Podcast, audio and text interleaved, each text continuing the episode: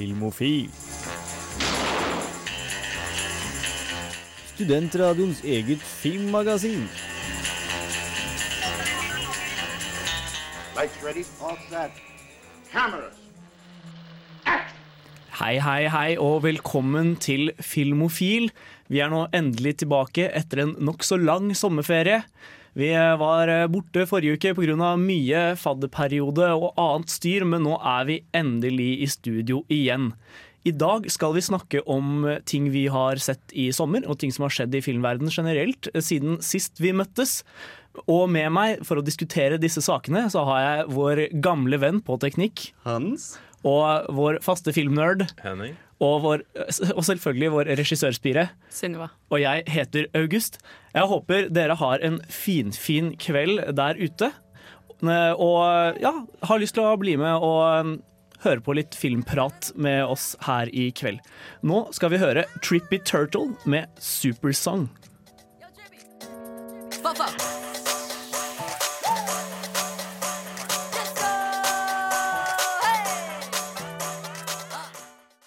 Der fikk dere altså Trippy Turtle med Supersong. Um, og her i Filmofil så har vi tenkt å snakke litt om ting vi har sett siden sist. Det vil si ting vi har sett i hele sommer. Og Henning, har du, har du sett noe spennende siden sist vi møttes? Jeg har sett en del, men jeg, jeg lover meg sjøl før sommeren begynte at jeg skulle lage liste, men det har jeg ikke vært så god på. Så jeg, jeg har sittet en dag nå og skrevet ned alt jeg kan huske, i hvert fall.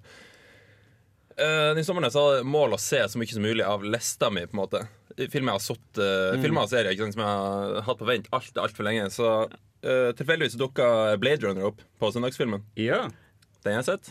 Den har vært på lista mi i sikkert fem år. Uten at jeg har sett den Den- Den er en sånn film som altså Hvis du ikke har sett den, så er den på lista di. Den er, den er obligatorisk inventar. Men da blir jo det evige spørsmålet hvilken cut sa du? Directors cut. Eller så vi Final Cut. Jeg er litt Final Cut usikker. så vi. Var det final cut? Ok. Uh, ja, for jeg har også hatt den på lista i helt sjukt mange år. Men den er jo overraskende vanskelig å finne på nett og sånn. Ja, til å være er, så kjent. Jeg husker jeg har gått gjennom HBO, Jeg har HBO, via Play, Netflix. Ikke sant? Så gått gjennom de Ja, ja. ganske regelmessig. Liksom. Kanskje hver tredje måned. Eller sånn, jeg har søkt. Nei, faktisk ikke. Ja, jeg husker jeg jeg, jeg husker jeg så den Eller jeg, jeg har alltid sett den på DVD da, de gangene jeg har, de gangene jeg har snubla over den. Og se på flåttikken. Oh, ja.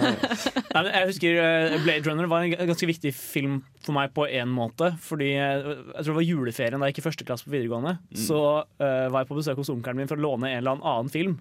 Eh, og plutselig bare prakka han på meg masse greier han mente jeg burde ha sett. da Eh, Inkludert liksom, Apokalypse nå og uh, alle Gudfaren-filmene, men også Blade Runner. da Og jeg endte opp med å se gjennom den. Og jeg likte den ikke egentlig så veldig godt da, men Nei. så dukka den opp på en måte Eller ble den relevant i forbindelse med et skoleprosjekt, og så er den på nytt igjen. Likte den ikke egentlig sånn kjempegodt da heller. Så kom jeg på, begynte jeg på filmvitenskap, og skulle vi se den i forelesning. Og vi så den da, og så innså jeg plutselig at ja, men det, den, her er jo, den her er jo egentlig veldig bra. så jeg, jeg brukte liksom tre forsøk, da, så det var, det var fint å få et gjensyn med den nå. Three times a charm, liksom.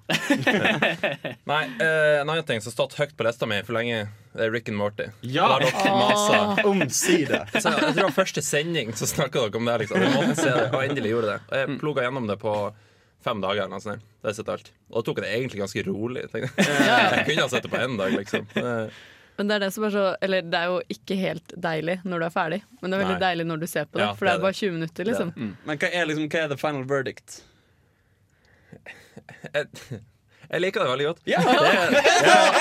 Nå ble jeg nervøs. Det, er så- altså, jeg, jeg, det var veldig hypa for meg, så jeg trodde jeg skulle være sånn eksepsjonelt. Det er veldig bra, liksom. Men jeg, jeg liker det veldig godt. Jeg blir å se hver episode når det kommer ut, men eh, veldig bra, om det er ikke like bra som jeg forventa, kanskje. Ja, men liksom, da, vi, da vi først begynte å, å prate med deg for liksom et halvt år siden, og hørte hva slags filmer du likte, den er jeg ganske glad i litt sånn ja, jeg liker en del sci-fi, og også veldig fan av South Park. Og alle tenker sånn Ja, da elsker du jo sikkert Rick and Morty, da. Nei, jeg har ikke sett den, da.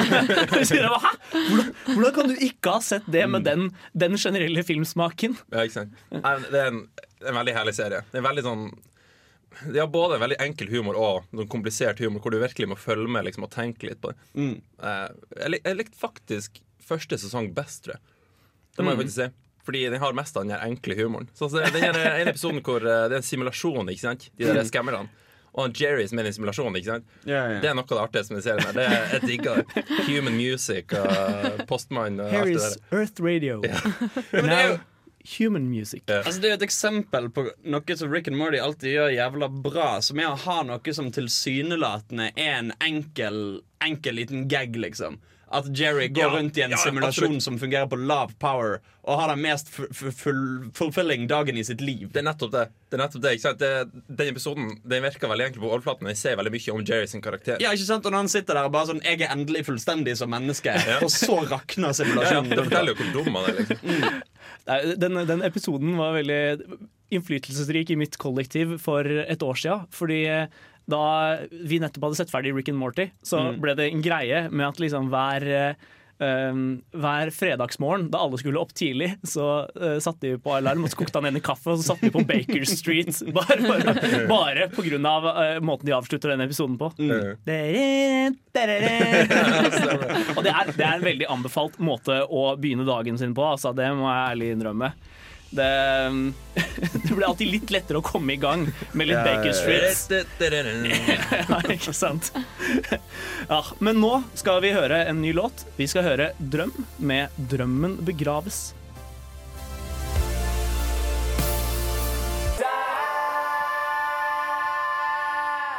Ja, Velkommen tilbake til Filmofil. Her snakker vi fortsatt om ting vi har sett denne lange, denne lange sommeren. Og Hans, har du sett noe kult? Du, Jeg har ikke sett like mye som jeg trodde jeg hadde. Men jeg har lagd meg en liten liste, og det er et par ting jeg har lyst til å ta opp. Um, jeg har sett en TV-serie som jeg hadde veldig lave forventninger til. Og som overrasket meg, og det er ingen ringere enn American Gods. Oi, er det en, t- er det en For vi er kanskje noen som har lest boken av uh, Neil Gaiman, hvor du følger en uh, hovedperson kalt Shadow, uh, som vandrer gjennom et Amerika som er befolket av eh, guder. I en litt sånn forfalt eh, situasjon hvor eh, basically alle innvandrerne til USA gjennom historien har tatt med seg sine gudeskikkelser fra der de kom fra. Og så mer eller mindre forlatt de Så du har noen sånne her slitne, gamle guder som må på en måte prøve å finne sin plass i tilværelsen i et land hvor ingen bryr seg om de lenger. Eh, det er en jævla kul bok. Jævla bra bok. TV-serien har sine øyeblikk, men det er enkelte ting han ikke får til i det hele tatt. Det er kanskje litt vanskelig å bli tilbedt når du bor sammen med andre guder. Altså, Jo, jo, åpenbart. Det blir et sånn konkurranseaspekt ved det. jeg, når jeg hørte om Når den serien begynte å bli laga, så leste jeg litt om boka. Sånn, og så tenkte jeg Jeg så for meg at den blir å funke veldig bra som bok, men ikke så bra som serie. Fordi Altså, litt av problemet er jo at altså, i bøkene så fungerer det jævla fint som en slags metafor for altså eh, en slags altså, kulturell identitet og utvasking av dette. Men òg litt berikelse etter hvordan noen ting påvirkes bra, noen ting påvirkes dårlig. Men hvordan folk kaster fra seg litt de gamle tingene sine eh, når du kommer inn i denne smeltepotten, og at det blir litt sånn sjelløst. For det erstattes jo av liksom disse nye gudene for liksom TV og internett og diverse dippedutter. Eh, som er mye kjipere og eh, kjedeligere enn de gamle gudene. Eh, I TV-serien så blir det bare sånn Oi, dette var en wacky karakter. Lurer på hva han skal finne på. ja, Eh, det så det er, det er en serie som er litt sånn fram og tilbake. Enkelte ting får det jævla kult til. Og det har Altså Nå har jeg ikke lyst til å spoile noe, for det er noen jævla kule scener som er verdt å få med. Men på sitt beste så er det helt fuckings annerledes fra noe som helst annet som går på TV. Og på sitt verste så er det litt sånn platt eh, supernatural-aktig eh, skvip. For det er, det er ganske platt. Det vil jeg påstå. Det vil jeg absolutt påstå. Har du sett noe annet morsomt, da? Du, Det er en ting jeg har tenkt å nevne som kanskje ikke er helt innenfor vårt spekter, men som jeg kommer til å nevne likevel. Uh, det er en YouTube-kanal som heter Steven Suptic. Uh, rettere sagt har jeg skiftet navn nå til Sugar Pine 7. Og han er en YouTuber som begynte som eh, host i YouTube-kanalen eh, Sourcefed. Og så gikk Sourcefed til helvete, så han begynte med videoblogging. Eh, men han lagde sin egen form for videoblogging, hvor han filmer seg og sine venner, hvor alle improviserer fram karikerte utgaver av seg sjøl. og de bare går rundt og tuller og klipper det sammen mens han lager en voiceover på det.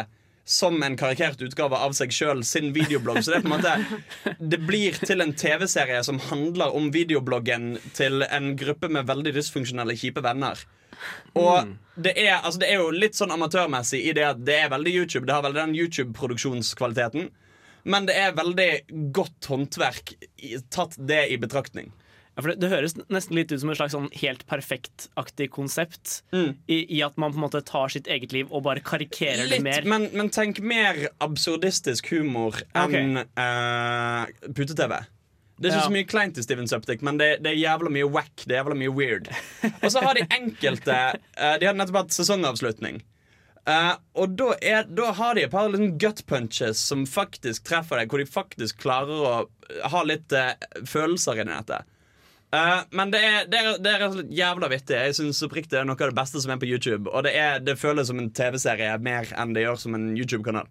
Ja, det, det er noen YouTube-kanaler som har klart å Eller som begynner å nærme seg virkelig det steget. da Mm. Hvor man går fra å på en måte produsere noe som er eh, rent nettinnhold, til å produsere noe som ligner mer Ja, ja, ja. på ting du finner i Altså, dette- tradisjon- tradisjonelt finner i andre medier. da Dette ser du ofte med YouTube-kanaler som begynner å bli store. At for eksempel PewDiePie, Markiplier, Game Grumps, Game Theory Jævlig mange av i hvert fall de spillbaserte YouTube-kanalene lager noe stort produsert som de da kaster rett på det YouTube Red, altså betalingstjenesten. Ja. Uh, mens de her lager jævla høyt produ uh, produsert innhold som bare ligger vanlig gratis ute på YouTube som enhver annen serie på YouTube. Ja, jeg har sett noe litt tilsvarende, som var eh, eh, Adam Ruins Everything. yeah. Hvor de på en måte først var på College Humor, men så ble plukka opp av en TV-stasjon. Mm. Så det, det er spennende. Men nå skal vi høre på Mikael Paskalev med Bad Boy.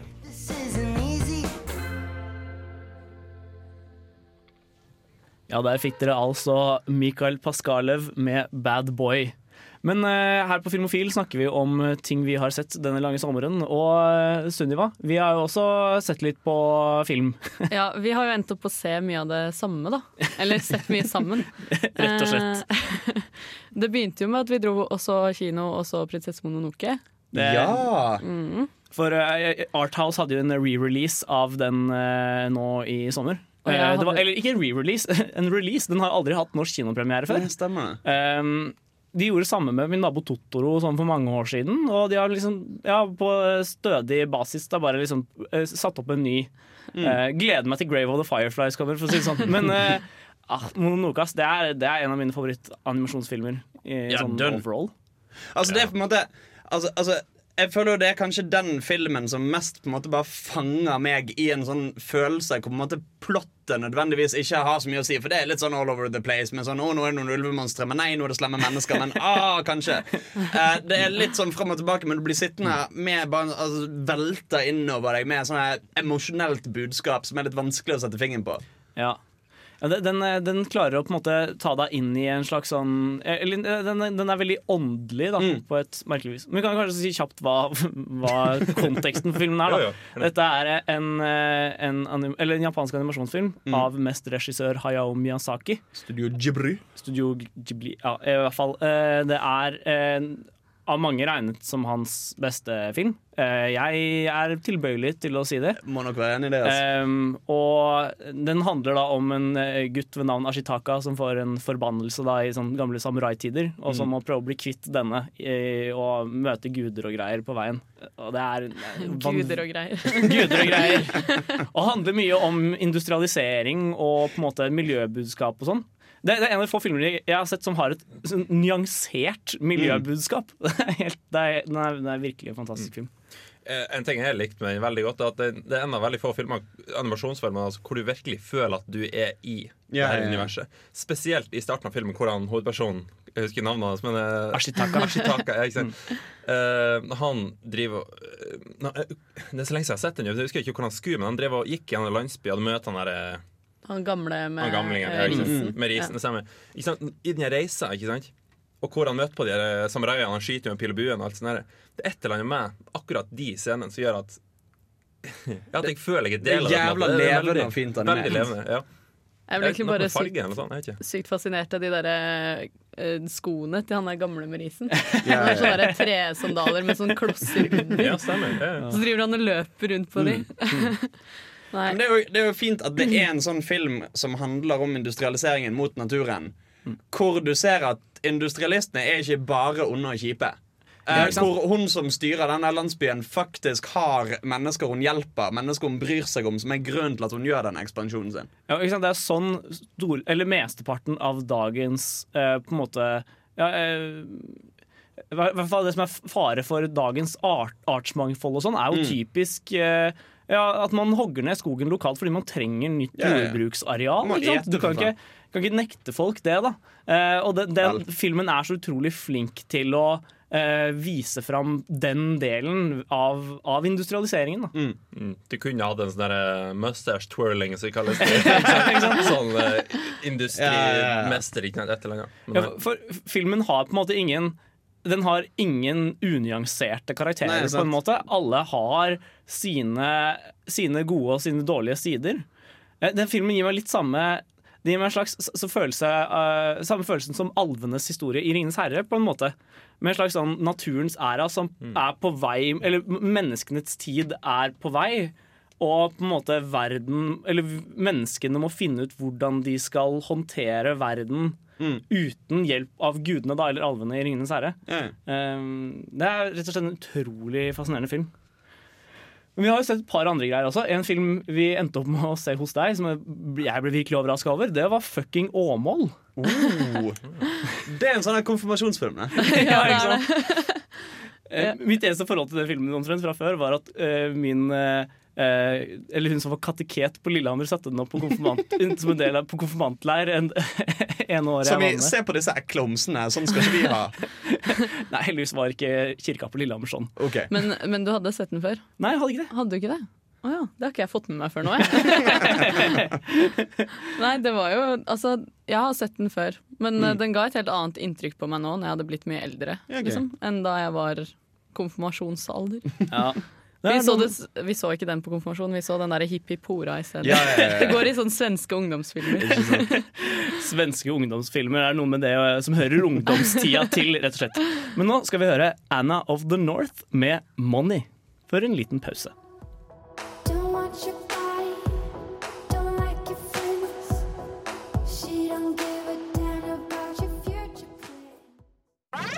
Filmofil gir deg nyhender fra filmen og fjernsynets i spanende vær.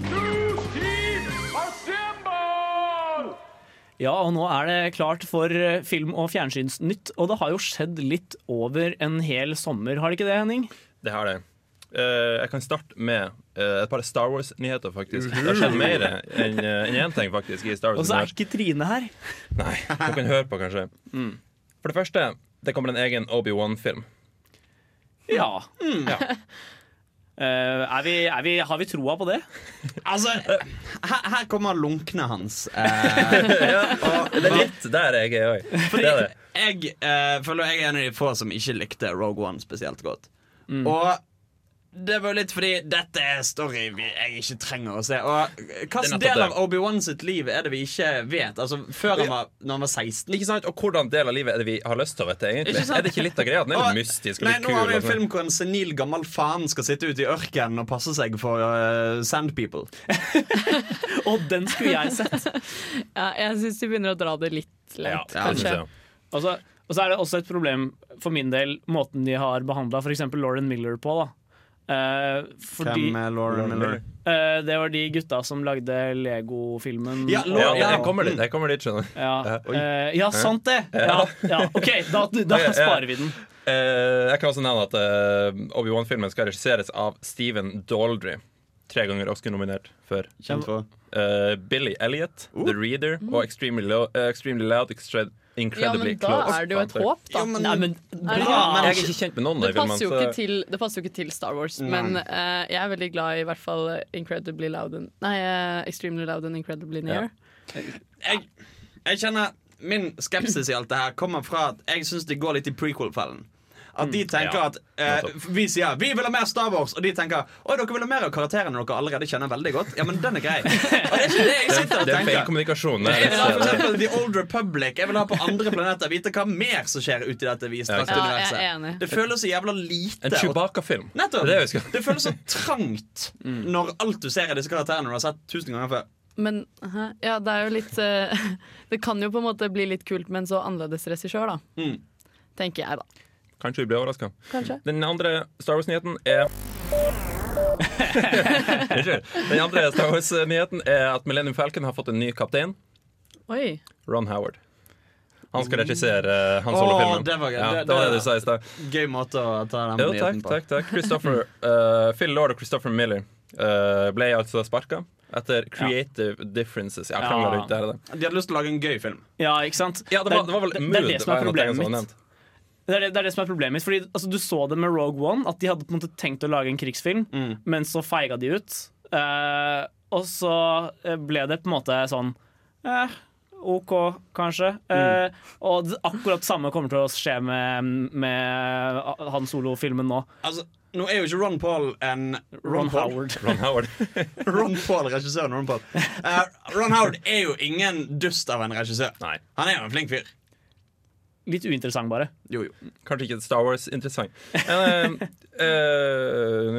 jeg hvor det var. Det er faktisk tre fjerdedeler gjennom spilling når Ron Howard kom på scenen. Det er ganske en sjokk til mange. da, Men altså. Skal dette bli en fast ting? Altså, nå er Vi jo Vi lever jo i liksom den store franchise-tiden hvor alt skal være Cinematic Universe. Og alt skal være sånn Og skal dette bli en greie at de får kule regissører, og så angrer de halvveis uti? Altså, eh, tilsvarende med Edgar Wright som skulle lage Ant-Man, og så bare Nja, han ville lage en egen kul greie. Drit i det, liksom.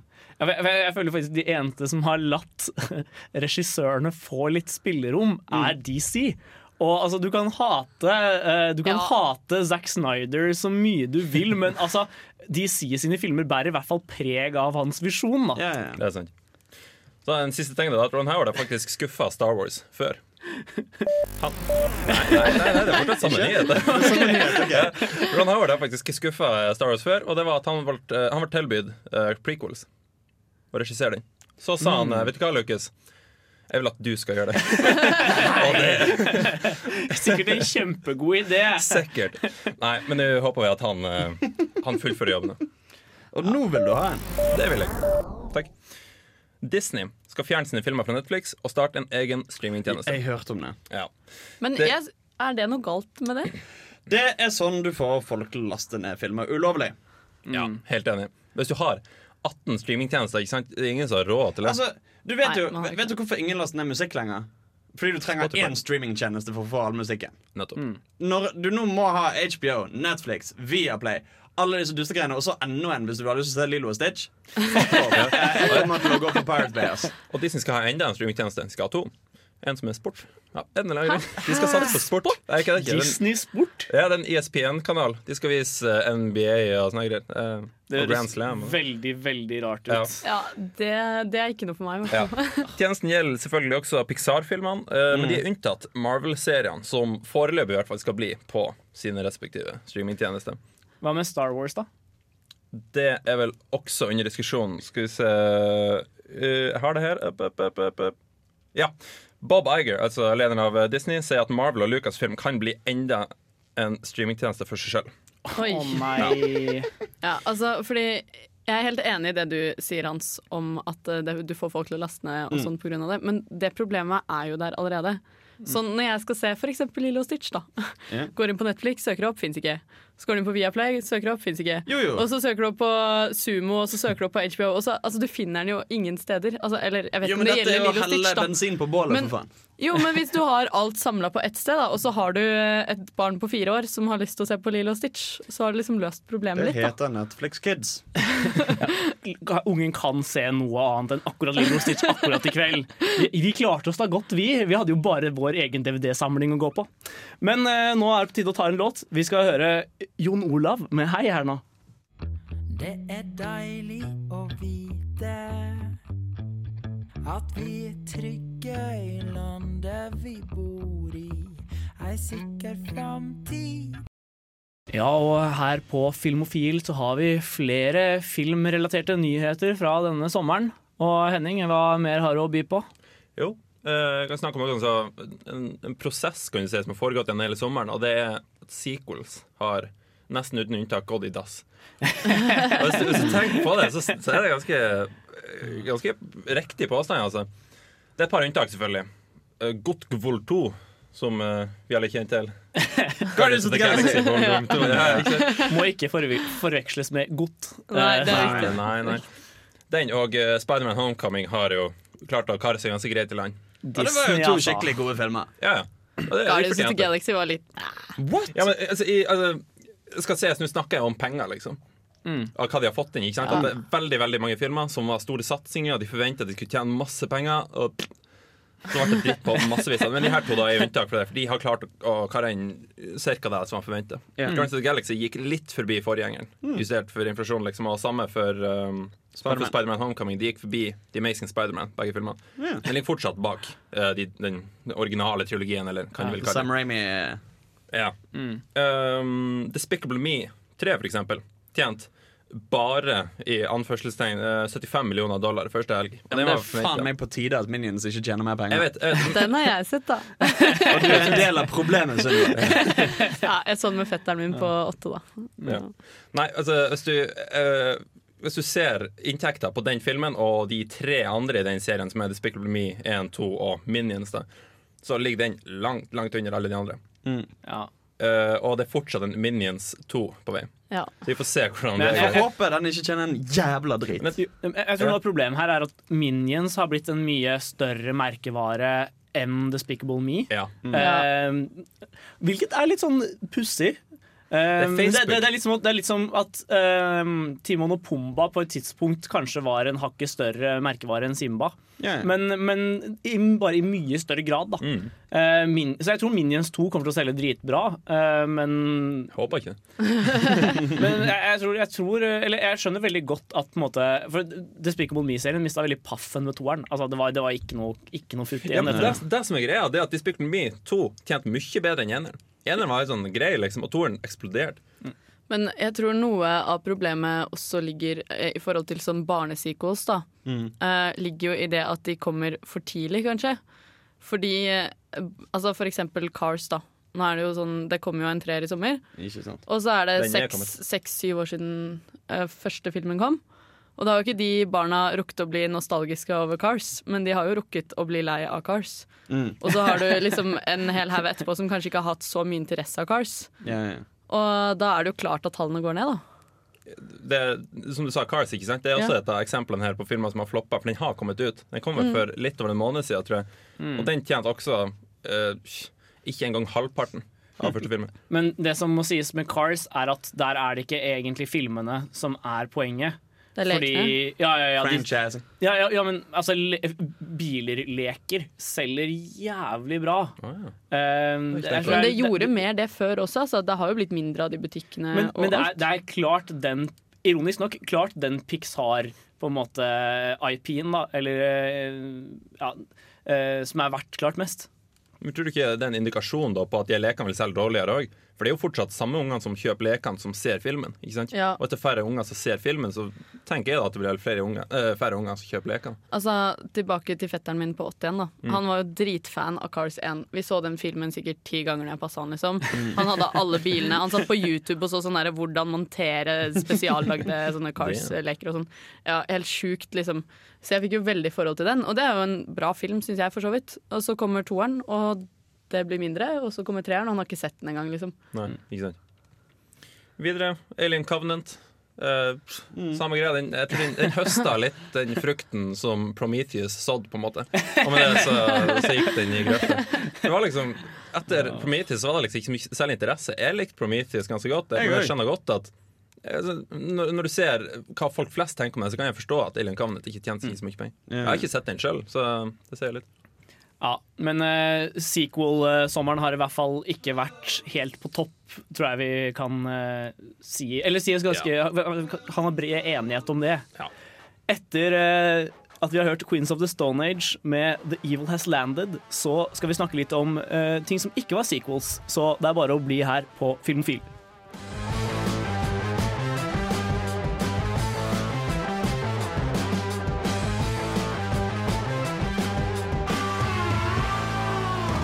Play one, Sam. Det er jo alltid å ha musikk når den er påtent. Helst noe indisk eller pakistansk. Ukas filmlåt. Ja, for det har jo kommet én film i sommer som uh, har blitt spesielt kjent for sine låter. Vi snakker selvfølgelig om Edgar Wrights 'Baby Driver'. Og det er så jævla mye fin musikk i den filmen. Og så jævla mye fin bruk av musikk i den filmen. For, eh, bare for å introdusere filmen kjapt, da, så handler det om eh, Baby. eh, som er ja, Han er en, en sånn mester uh, bil... Eller Sjåfør. getaway driver, rett og slett. Som uh, har blitt involvert med litt feil folk, og som nå jobber som på en måte fast uh, sjåfør da, for en gangsterboss spilt av Kevin Spacey. Mm. Og greia hans er at han har tinnitus, så han må ha musikk på øret til enhver tid. eh, Og særlig da under biljaktsekvensene. Mm. Og eh, ja, dere kan jo se for dere hvordan resultatet blir. Det er, eh, det er temmelig spektakulært. Ja, men De gjør så jævla mye fint med musikk i den filmen. Altså Det er en tidlig scene i filmen når han baby går nedover en gate og hører på en låt, og du får låten i sin helhet, og liksom eh, alle omgivelsene rundt han samsvarer med det som er i musikken. Du snakker om den hvor det liksom taggingen i bakgrunnen Ja, ja, ja. skriver ordene Ikke i sant? teksten, og han, hver gang det kommer trompet på sangen, så er det, går han forbi en sånn trompetbutikk, eller noen spiller trompet på gata, eller ja. Og det er jo, altså, Dritkult. Det er jo generelt det Edgar Wright er eh, jævla flink til òg. Altså det å eh, Det å lage film hvor Sa jeg Edgar Wright? Jeg tror det. Det er jo ikke han som har regissert denne filmen. Jo. Jo, Er det det? ikke det? Ja, det er det. Det er jo Edgar Wright. Om? Men han er så flink til å bruke liksom det visuelle i mediet. Det å faktisk tenke at vi lager ikke bare en fuckings historie, det er ikke en bok, det her. Eh, det er faktisk et visuelt element her. La oss pynte litt. La oss få ting til å samsvare.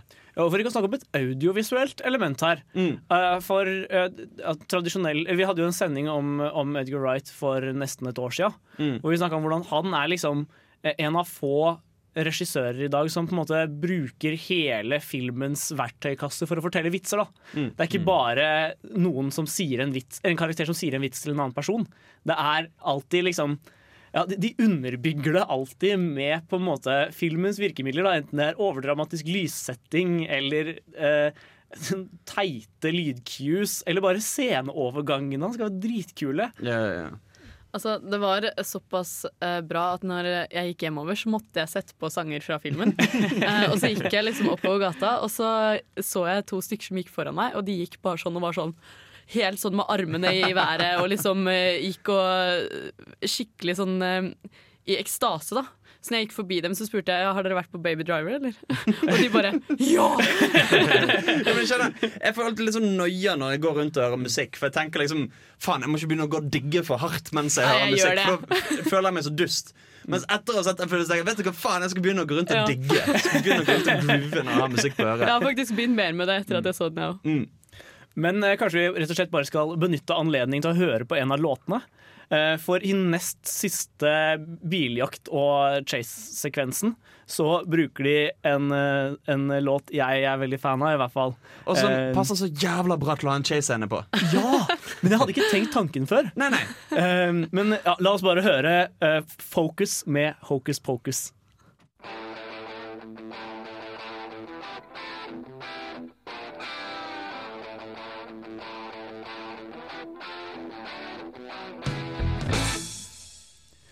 Ja, men eh, eh, Baby Driver er jo ikke den eneste sånn eh, originalskrevne, litt større film som kom i sommer. Nesten. For uh, det har også vært en uh, ny spillefilm fra kanskje Hollywoods mest populære regissør disse dager. Godeste Christopher Nolan. Stemmer det. Han kom med Dunkerque, eh, filmen om slaget ved Dunkerque i andre verdenskrig.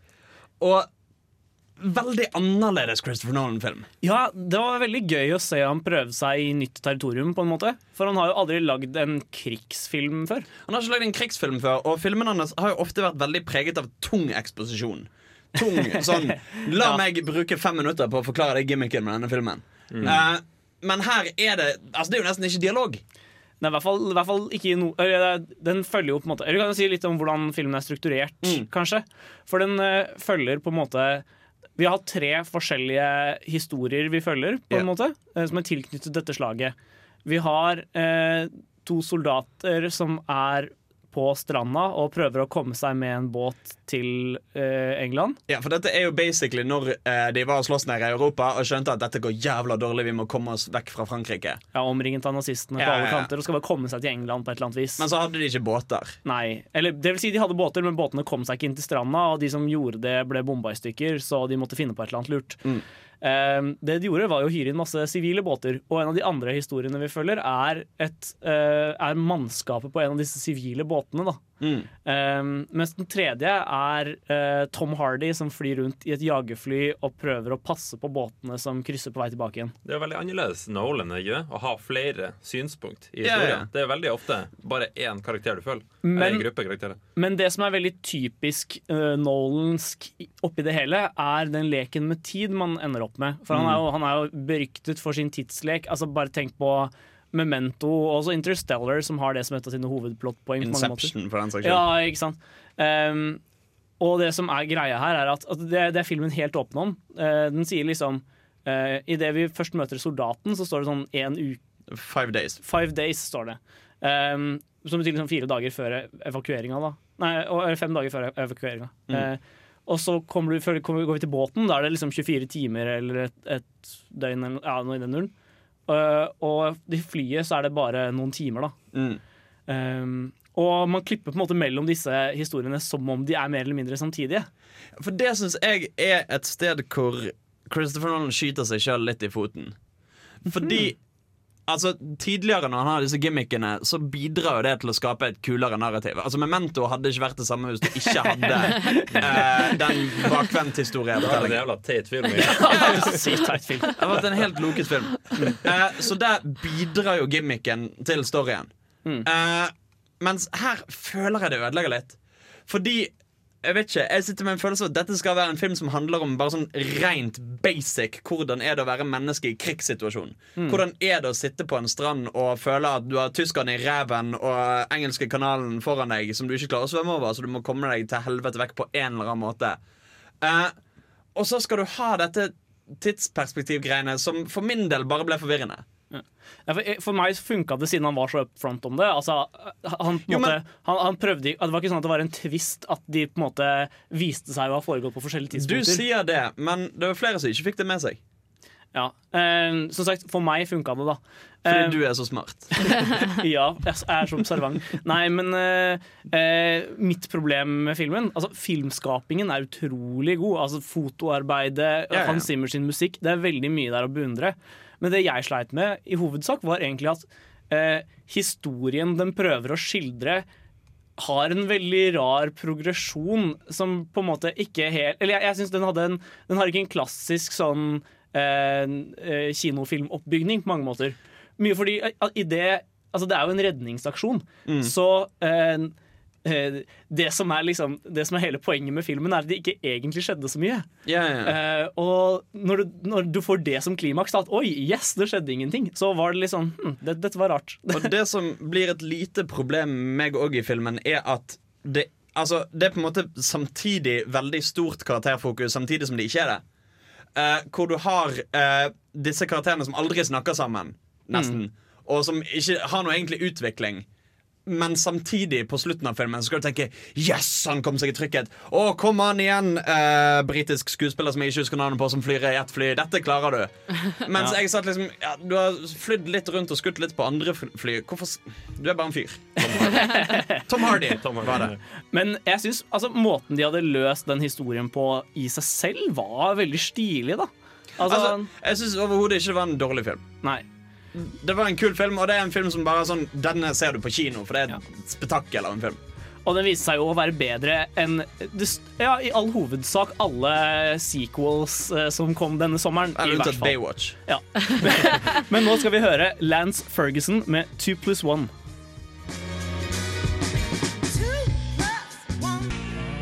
Hei! Hei! Det er ikke 90s sitcom-flashback. Ta og Skru på noe annet. Ja, bedre, men prøv igjen. Der, ja! Ahem. Filmofil presenterer ukas serie.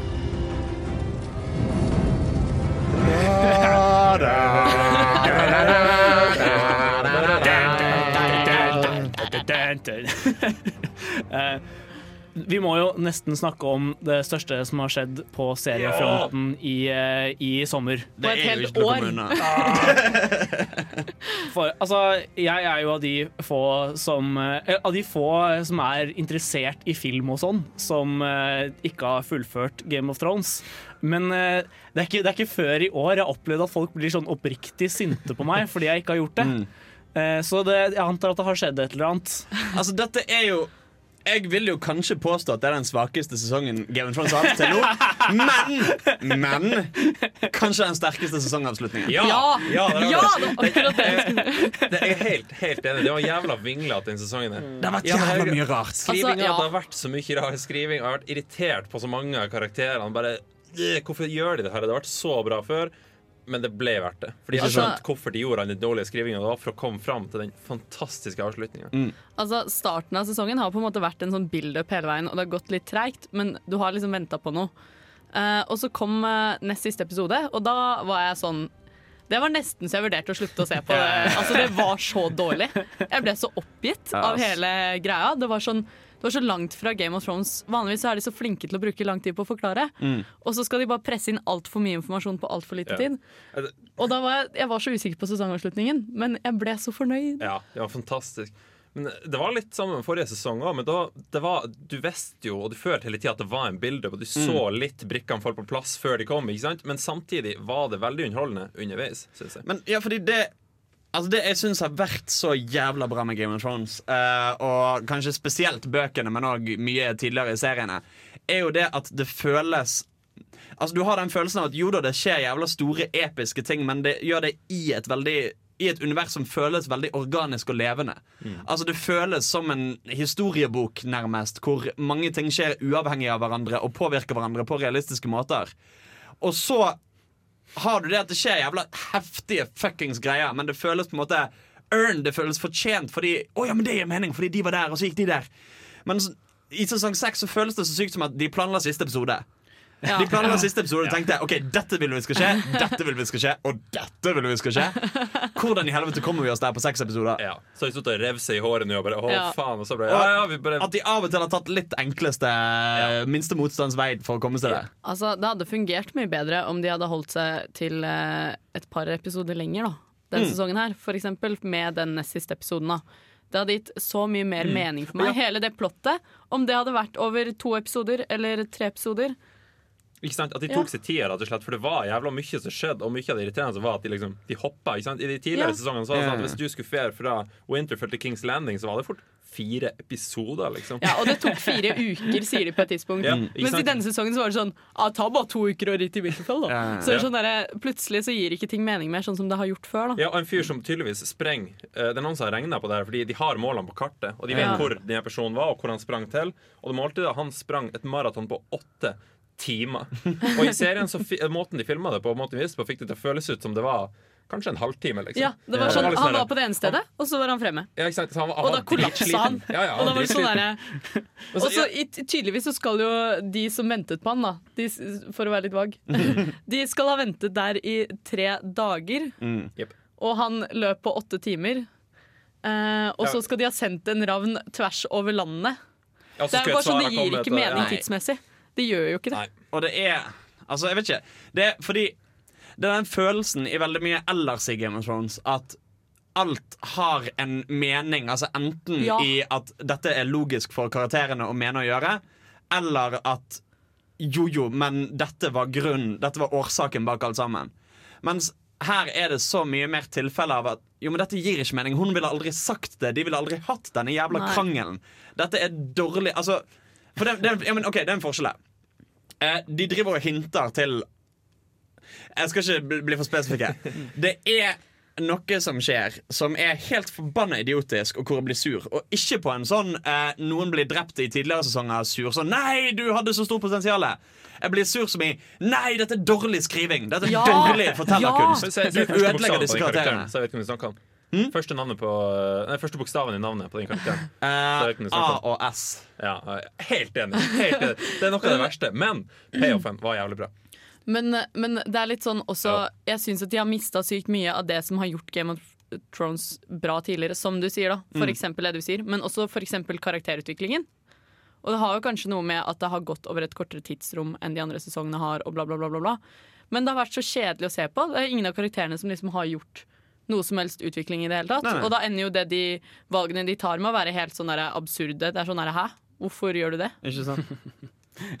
For meg høres det ut som, sånn der, det høres ut som en sånn møteromssesong. Jeg, jeg hater de filmene, sånn som, sånn som X-Men Days of Future Past. Det er sånn film hvor du har sett liksom, ah, men, ok, hvordan, kan vi, hvordan kan vi fjerne Ja, ja, hele Brett ja, ja, ja. Ratner-greia? Uh, men hva med liksom, Sånn ok, ko- tid- komitéfilm. tidsregning, og så, så ser du at liksom hele møtet har jobba så sykt hardt med å få alt til å gå opp logisk, men så gjør det ikke egentlig det allikevel. Altså, og så nei, sitter man igjen med sånn der derre lei bismak av Bortsett liksom fra sesongavslutningen, da. Bortsett fra bortsett sesongavslutningen. For det, de tenkt i utgangspunktet, var jo en jævlig god idé. Ikke sant? Det var bare at Ja, ja. de hadde ikke helt midlene eller tida nok til å, til å utføre det. Ikke sant? Og da ble det veien dit. Da var ja. Dagen etter eh, sesongavslutningen så, så jeg sånn der, fikk jeg tilsendt på Messenger sånn der nedtelling til neste sesong. Ja, Fe over 500 dager, liksom. Det var det mest deprimerende jeg har sett. And on that note så tror jeg vi skal høre Baby in Vain med Low Life. Make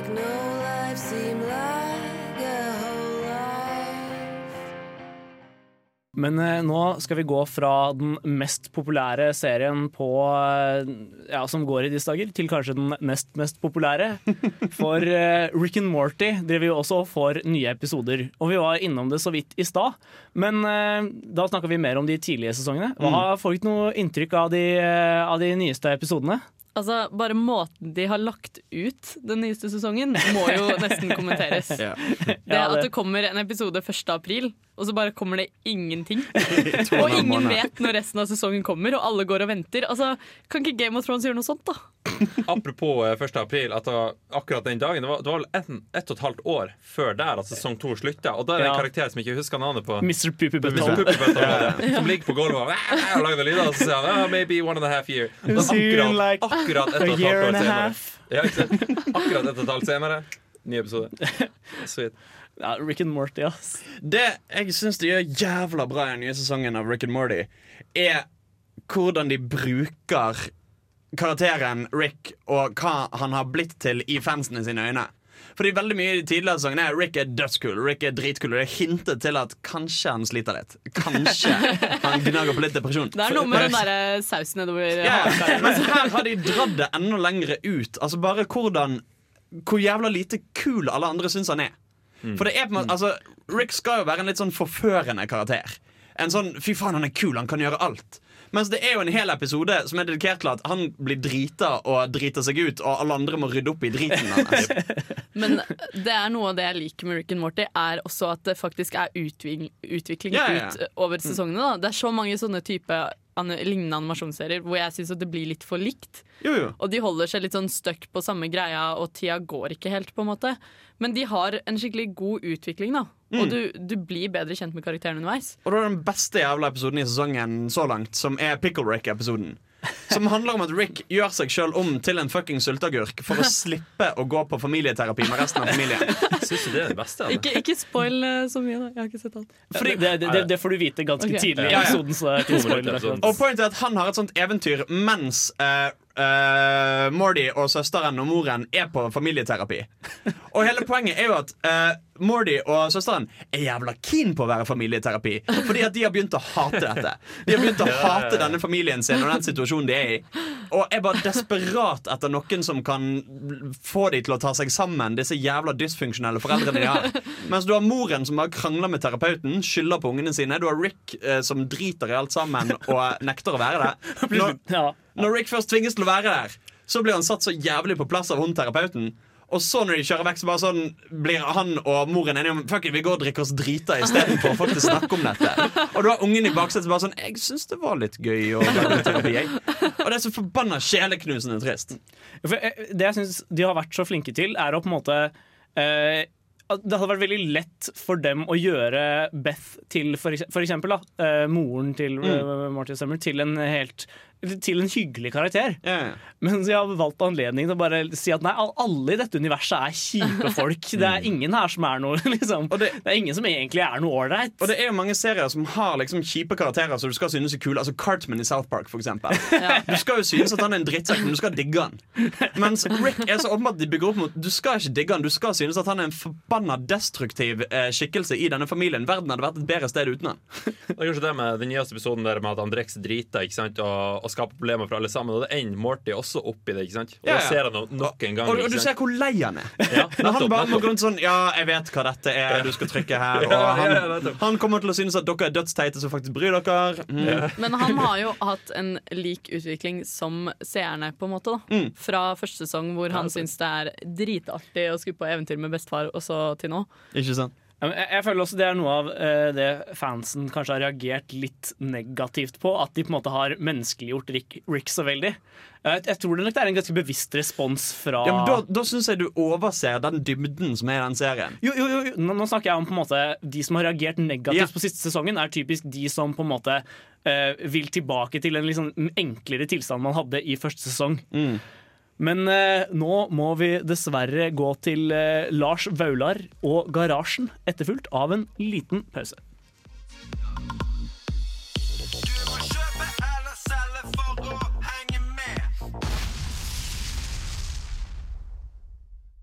For et program i burra med både klasse og stil. Du hører på Filmofil.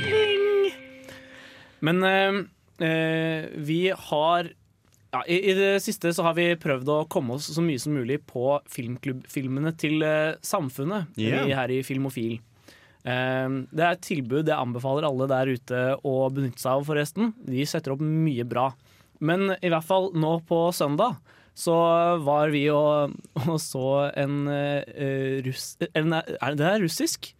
Russisk-ukrainsk, tror jeg. Russisk-ukrainsk krigsfilm ved navn Gå og se på norsk. Idismotri på russisk.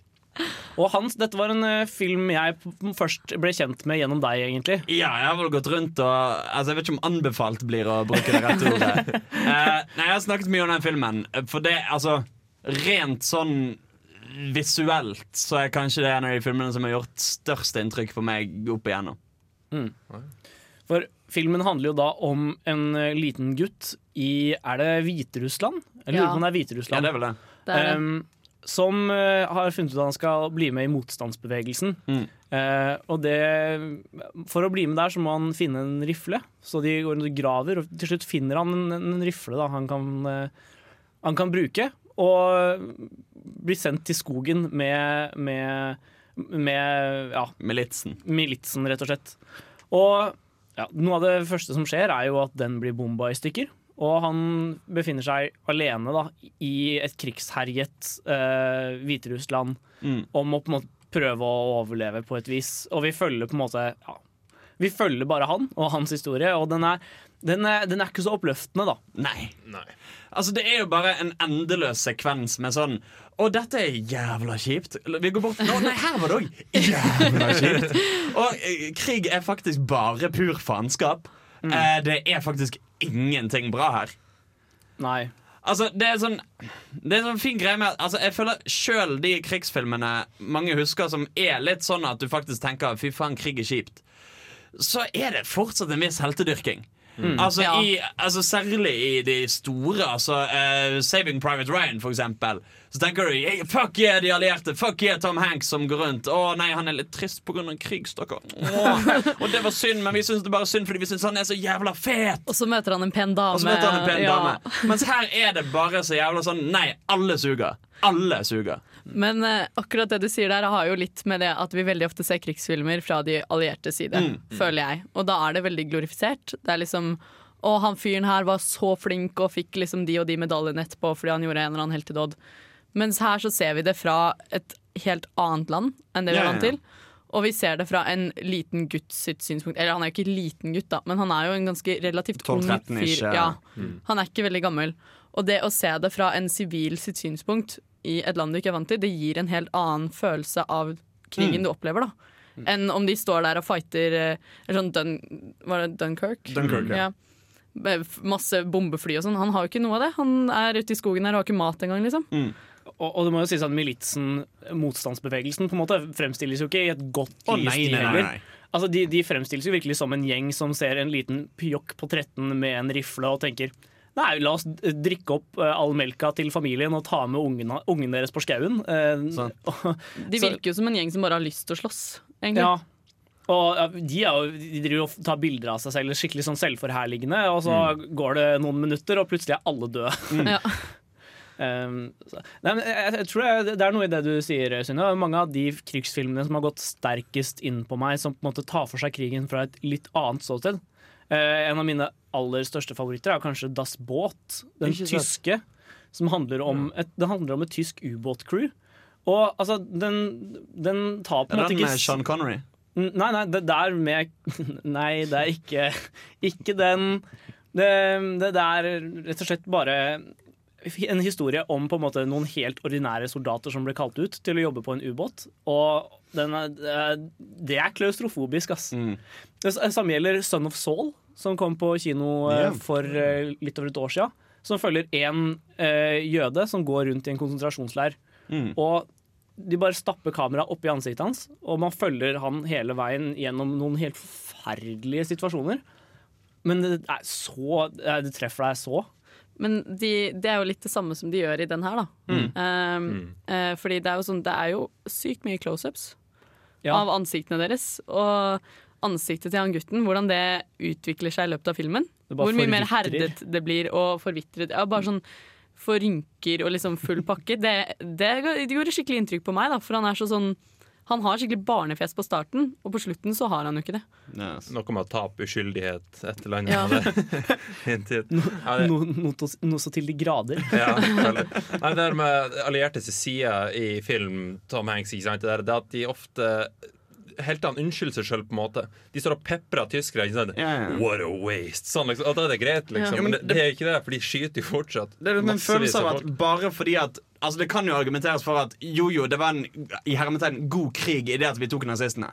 Eh, oss blant Ja. de allierte. Jo, jo. Men like, det betyr ikke at en trenger å si at krig er kult. på en måte Nei, det er det. Det er en veldig viktig distinksjon. Men eh, nå skal vi høre en liten låt. Vi skal høre Mats Vava med 'Days Like This'.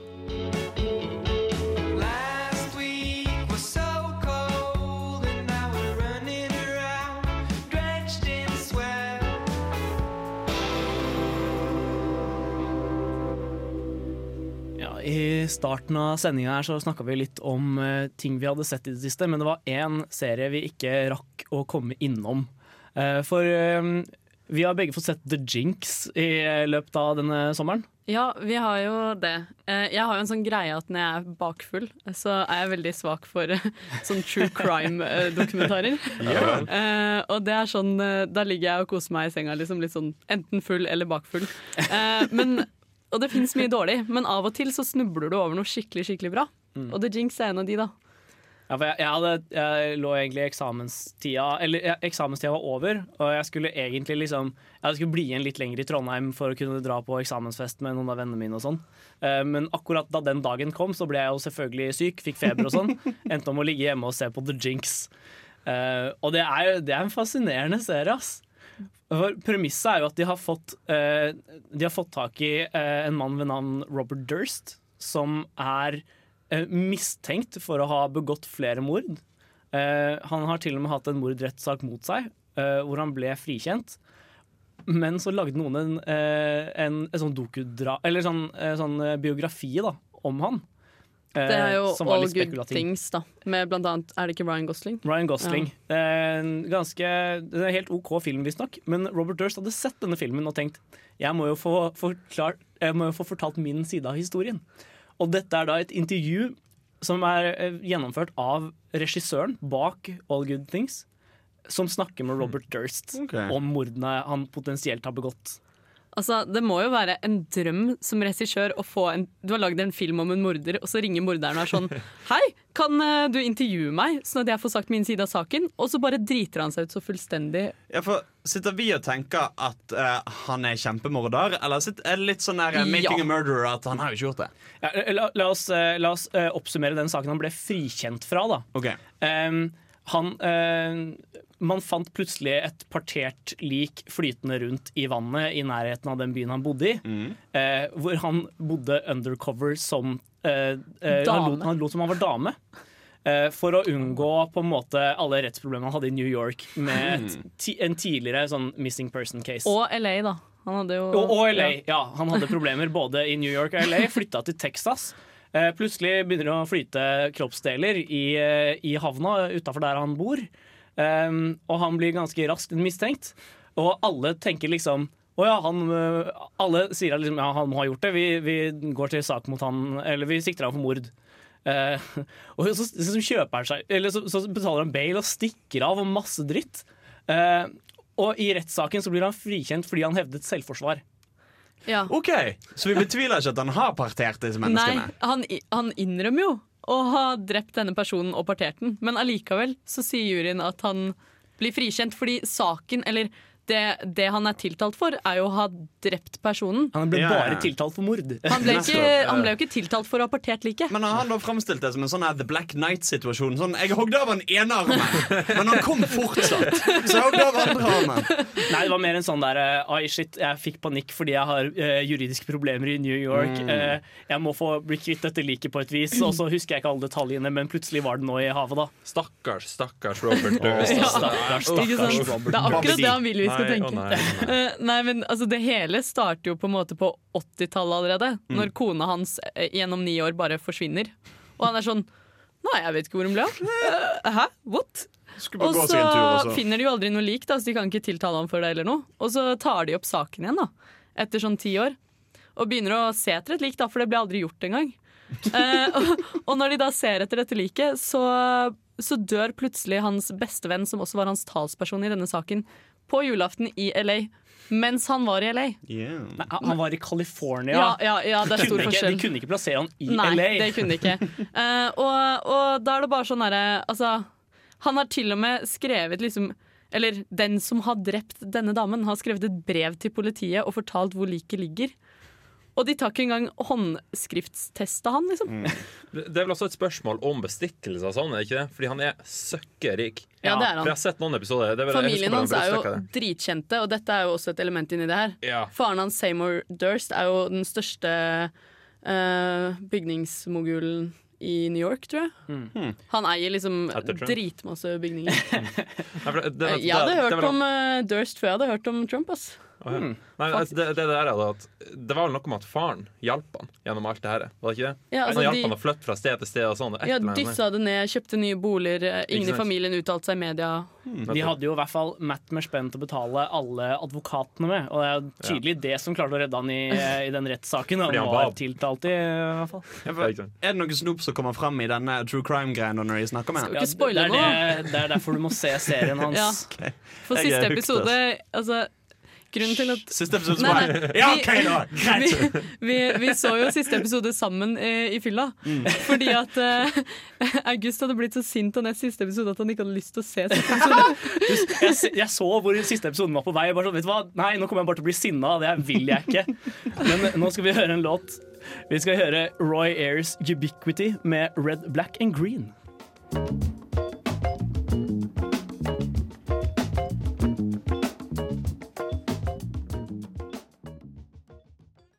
Ja, nå har vi snakket mye om hva som har skjedd denne sommeren, men eh, det skjer jo også spennende ting på filmfronten denne høsten. Og eh, ja, vi har, vi har alle ting vi gleder oss til. Så Sunniva, du kan jo få begynne. Er det noe du gleder deg spesielt til i høst? Ja, nå kommer jo Trier til Trondheim, da. Tre dager med Trier, eller noe den heter.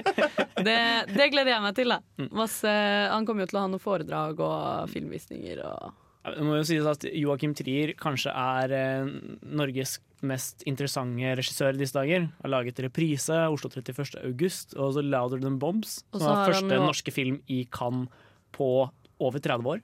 Og så er det vel Thelma som har kommet nå. Thelma skal ha premiere. Og det er i den anledning han kommer.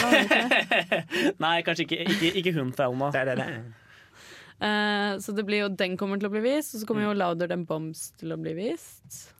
Jeg tror de skal vise både reprise og Oslo 31. august også. Så eh, Og masse foredrag, da. Det blir jeg- interessant å høre på. Jeg var på foredrag med han i forbindelse med premieren på Louder Than Bombs. Han er en sykt morsom fyr å høre på også. Han, er, han virker som en skikkelig bra type.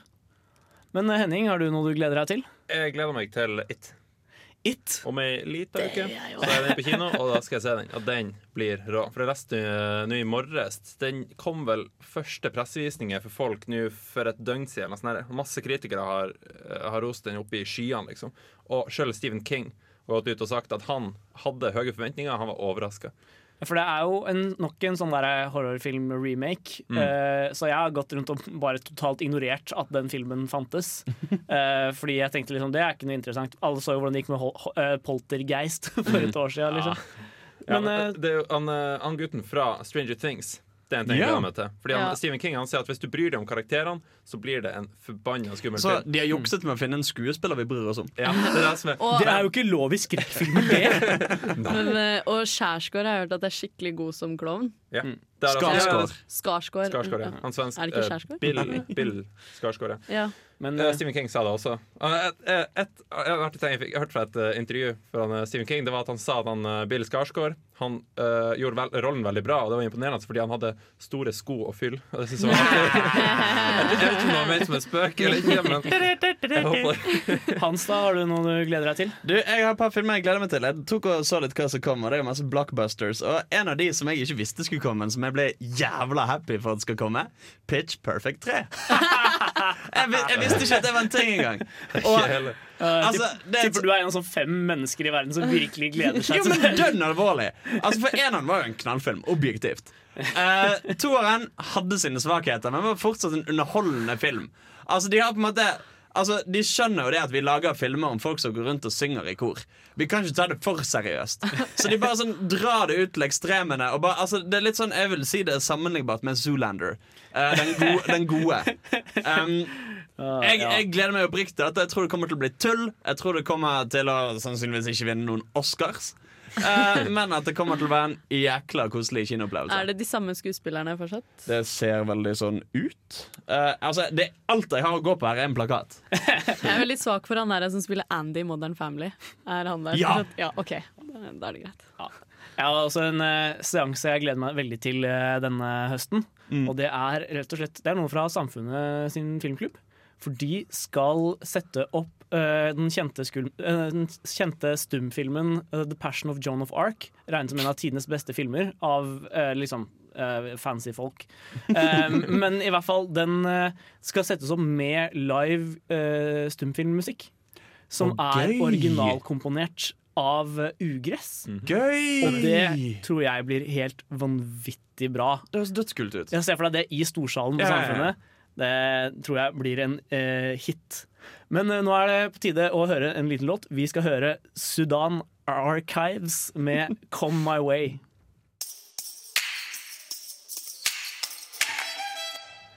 Sudan Archives med 'Come My Way' der, altså. Men eh, eh, nå er det dessverre på tide å takke for oss her i Filmofil denne første torsdagskvelden vi har sending. Vi har fått snakket mye om ting som har skjedd i sommer, og håper dere der ute også har eh, sett mye bra. Det har i hvert fall vi. I studio i kveld så har vi vært på Teknikk. Hans. Og vi har også hatt med oss vår faste filmnerd. Henning. Og vår regissørspire. Sunniva. Og jeg heter August. Eh, vi håper dere har en utrolig fin kveld videre. Og at eh, ja, fredagen ikke blir altfor lang, for det er snart helg. Jeg håper alle har store planer om å finne på mye gøy. På vei ut her i kveld skal vi høre Wales and This Lake med We Don't Have Eyes.